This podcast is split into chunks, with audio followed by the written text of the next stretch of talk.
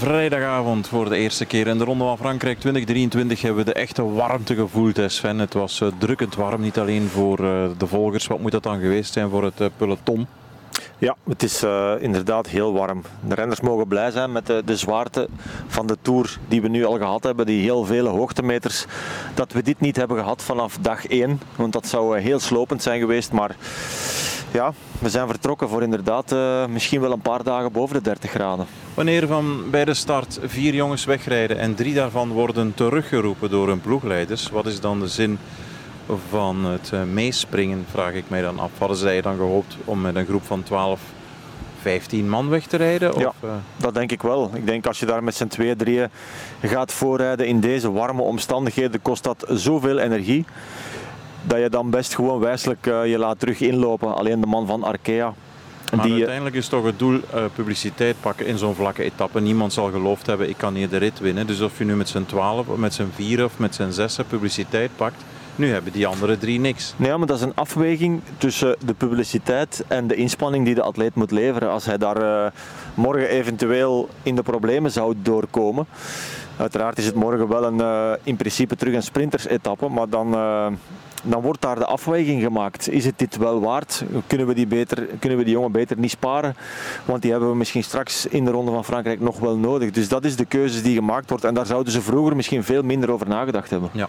Dan doen we alsof we vroeger zo'n cassettebandje doorspoelden, fast forward, tot de laatste vijf kilometer. En dan wordt het peloton wakker op weg naar een moeilijke passage waar, voor, waarvan wij, en ik steek ook mijn hand in eigen boezem, op voorhand dachten, oei oei oei, als dit hier maar uh, met wegversmallingen, wegwerkzaamheden, als dat maar allemaal goed verloopt. En kijk, dat peloton dient zich daaraan met een snelheid van 70 per uur op weg naar die eerste bocht. En alles loopt gesmeerd en perfect, Sven. Ja, het was veel minder nerveus dan uh, op het racecircuit een paar dagen geleden. Dus je kon zien dat er, uh, dat er behoorlijk wat controle was. Het is niet uh, het gedrum geweest waar we allemaal uh, wel dachten dat dat daar in die 360 graden bocht zou gaan gecreëerd worden. En hoe verklaar je dat dan? Want net zoals op weg naar het autocircuit is er ook nu ja, niet gereden vandaag, gewandeld. Dus ze, ze waren allemaal even fris en toch doen ze het beheerster dan drie dagen geleden. Ja, 3,5 kilometer, 4 kilometer van de finish. Geen idee. Het is soms uh, heel onvoorspelbaar. En gelukkig is dit allemaal uh, zonder valpartijen en kleerscheuren vandaag kunnen verlopen. Dus in dat opzicht heel blij met wat er is gebeurd. De sprint. Ik laat jou aan het woord. Ja. Wat gebeurt er allemaal? Um, Van der Poel bijvoorbeeld zegt achteraf, ja, we waren net ietsje te vroeg ja, in de voorbereiding. Het was niet helemaal perfect. Ja, tijdens het becommentariëren had ik ook al door inderdaad dat ze daar op 1 kilometer 5, laten we zeggen, daar al met z'n drieën zaten. En dan, ja, dan weet je gewoon, er moet ergens iets nog, de benen worden stilgehouden of ergens proberen van het wiel van iemand te gaan grijpen, want anders dan komen wij veel te snel op kop. Ze zijn indrukwekkend, maar ook daar zit een houdbaarheidsdatum op. Hè. Je moet uiteraard wel die timing proberen vast te houden. Maar ze sloegen daar wonderwel in. En uh, Ricard heeft zijn ding gedaan, uiteindelijk uh, Mathieu van der Poel. Morkov zat daar heel goed aan de andere kant van de baan, keek achteruit en vond daar geen Jacobsen. Mm -hmm. Die liet zich dan heel snel opnieuw terug uh, inlopen. Dus Jacobsen is ook helemaal niet in het uh, spel voorgekomen. Net zoals Caleb die we allemaal toch wel voor een stuk verwachten. Ook zijn sprint kwam vandaag niet echt heel goed tot zijn recht. Hij laat weer, en dat was mooi in beeld, hij laat het achterwiel van uh, Jasper de Buist. Laat hij gewoon, hij kijkt er niet naar, hij zit in een andere trein. Of hij, hij kost toen wel volgens mij het wiel van Philipsen. Dus dat was op zich goed, maar dat is niet bevestigend naar de trein toe van Lotto Destiny. Nee, inderdaad. Je moet echt wel vertrouwen hebben. En uh, ik kan misschien nog wel begrijpen dat het is de eerste keer dat de Buist deze ronde van Frankrijk echt een lead-out moet doen. Dat daar het vertrouwen nog niet helemaal 100% is. Hè. Hoe, uh, hoe is hij hersteld? Maar langs de andere kant heeft hij dat al zo vaak heel goed gedaan dat je toch wel ja, die keuze moet gaan maken. En, en uh, je bent daar gewoon met z'n tweeën veel sterker dan dat je alleen je weg moet gaan zoeken. Het risico is groter, de kans is kleiner dat je echt in een ideale positie komt. Dus dat is op zich wel zonde. En dan, ja, dan krijg je inderdaad uh, die fameuze lead-out van, uh, van Mathieu van der Poel. Die voelt dat op een bepaald moment aan de linkse kant Mats Pedersen komt, Dylan Groenewegen komt. klein beetje naar links uitwijkt met Philipsen op 1 centimeter van zijn, van zijn achterwiel. Heel goed het wiel houdt. En dan plotseling als een duveltje uit een doosje komt aan de rechtse kant Mark Cavendish van vrij ver achteraan in die groep. Met gigantisch veel snelheid. En Philipsen ziet dat gebeuren, laat het wiel van Mathieu van der Poel los en gaat helemaal naar de andere kant van de baan. En uh, zet daardoor voor een stukje ook uh, Girmay klem, die zijn sprint totaal uh, in het water ziet vallen daardoor. Maar er is geen contact tussen de twee renners. En Cavendish uh, is voor een stukje dan ook wel uitgesprint. Misschien net dat tikkeltje te vroeg op kop. En Philipsen die uh, ja, nog een versnelling extra heeft en eigenlijk met twee fietslengte deze etappe wint. Ja. Jasper Philipsen komt van het midden naar rechts, kiest het wiel van Mark Cavendish, zoals je zelf zegt, zonder iemand te raken. Maar eh, verlaat zijn lijn. Hoe bekijkt een, een, sprinter dat, of hoe moeten we dat volgens uh, ja, de, de, reglementen bekijken? Want je kan moeilijk verwachten van een sprinter dat hij vol in de, in de wind gaat sprinten. Hè Sven? Dat, is het, dat is toch normaal dat hij het wiel kiest van, van Mark Cavendish? Als Philipsen niet het wiel kiest van Mark Cavendish, dan wint waarschijnlijk Girmay de rit. Voilà, dan, ja. Dat is helemaal juist. Langs de andere kant... Waarom dan toch achteraf van Vinokourov? Enfin, Vinokourov is die laten we buiten beschouwing, want die heeft andere belangen natuurlijk. Die wil gewoon door een uh, declassering, wil die Mark Cavendish aan dat record helpen. Het gaat vooral over de klacht van uh, de manager van Intermarché, Jean-François Bourlard, in functie van Girmay. Is dat terecht of is dat onterecht dat die mensen naar het UCI-busje zijn gestapt?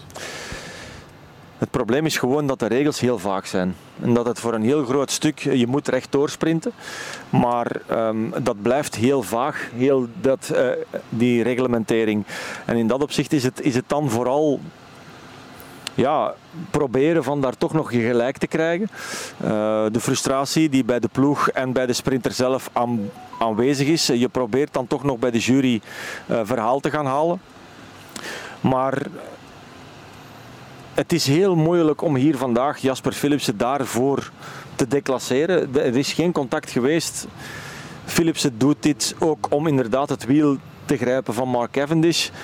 Het gaat dan vooral over wat zijn de exacte regels, hoe ga je daarmee om, hoe bekijk je die en uh, dan zou je eigenlijk al moeten gaan, uh, gaan echte lijnen trekken en uh, we zetten de sprinters allemaal naast elkaar op een lijn en laat, laat ze hun ding maar doen en ze mogen eigenlijk niet uit die lijn komen. Maar zo werkt het natuurlijk niet. Nee. Dat is moeilijk, hè? want ja, het is een geweldige prestatie. Drie op drie voor Jasper Philipsen. En dan wordt er een klein beetje overschaduwd, is weer een zwaar woord. Maar ja, worden er vragen bij gesteld door twee tegenpartijen. Ja, het was ook wel de moment dat de, de etappe echt is afgerond, had ik ook het gevoel van wat gaat de concurrentie hiermee doen? Ik ben echt benieuwd hoe zij gaan reageren. Die vraag heb ik mezelf ook wel gesteld. Mhm. Ook al was ik niet direct geneigd om te zeggen hij moet gedeclasseerd worden. Maar we moeten dit wel in vraag blijven stellen. Het moet wel blijven uh, bekeken worden. Blijven, en, en dat vind ik wel belangrijk. Maar of hij hier nu moet gedeclasseerd worden, dat is misschien toch echt wel een brug te ver. Hoe moeten we dit inschatten? Hè? Twee uh, opeenvolgende massasprints vorig jaar in de editie 2022. Nu weer vol afwerken. Ja, um, ik zag een statistiek voorbij komen. Alleen uh, Freddy Maartens op die jonge leeftijd heeft dat uh, kunnen verwezenlijken in de Ronde van Frankrijk. Dat zegt veel, hè? Het zegt heel veel en het zegt vooral ook heel veel over het blok dat daar in die laatste kilometer indrukwekkende dingen doet. Het gaat niet alleen, uiteraard gaat het over Philips, maar het gaat niet alleen over hem. Het zijn twee en daarbij ook nog uh, een aantal anderen, zoals uh, Andersen, die het uh, heel goed doet. Ja. Maar vooral uh, ja, Rickaard en, en, en Dan van der Poel. Die mannen hebben als het ware overschot. Die, die kijken, die zien wat er gebeurt, die, die passen de timing zelfs aan. En er is niemand anders op dit moment in het peloton die in staat is om zo'n trein um, op het wegdek te toveren. En, en dat is de luxe die Philips zit daar bovenop, ook al is hij al de snelste, daarbovenop ook nog eens heeft. Ja, de autoriteit ook die hij als sprinter uitstraalt, hè? Philipsen zelf. Hè? Ja, dat kijken. Oh, er komt iemand van rechts. Oké, ik vang hem op. Uh, ik heb nog een versnelling. Ik ga daar nog over. Het is allemaal met een snelheid van 65 tot 70 km per uur. Ja, uh, de druk is ook helemaal weg. Hè. Hij pakt iedere keer weer punten voor die groene trui. Hij wint zijn derde ritzege. Dat is bijna de helft van alle ritten die we al in de Ronde van Frankrijk hebben gereden. Ja, ga er maar aan staan. Cavendish, uh, ja, de, de Anglo-Saxische commentatoren die hebben bijna het dak van onze commentaartribune afgeschreeuwd natuurlijk, want die zagen het uh, al gebeuren. Nu, als je echt heel keihard analyseert, hij valt stil. Die super hoge beensnelheid is er niet meer. Het kan ook moeilijk anders. Hij is beginnen te winnen in, in uh, ja, 2008, 2009, 2010. Hoe kan hij alsnog, nu we dit gezien hebben, en hij doet mee en hier wordt hij tweede, hoe kan hij alsnog een, uh, een rit winnen? Op ervaring. Ja. Het gaat niet zo zijn dat Philipsen. Natuurlijk, de kansen worden alsmaar kleiner. Er zijn ook heel veel bergetappes.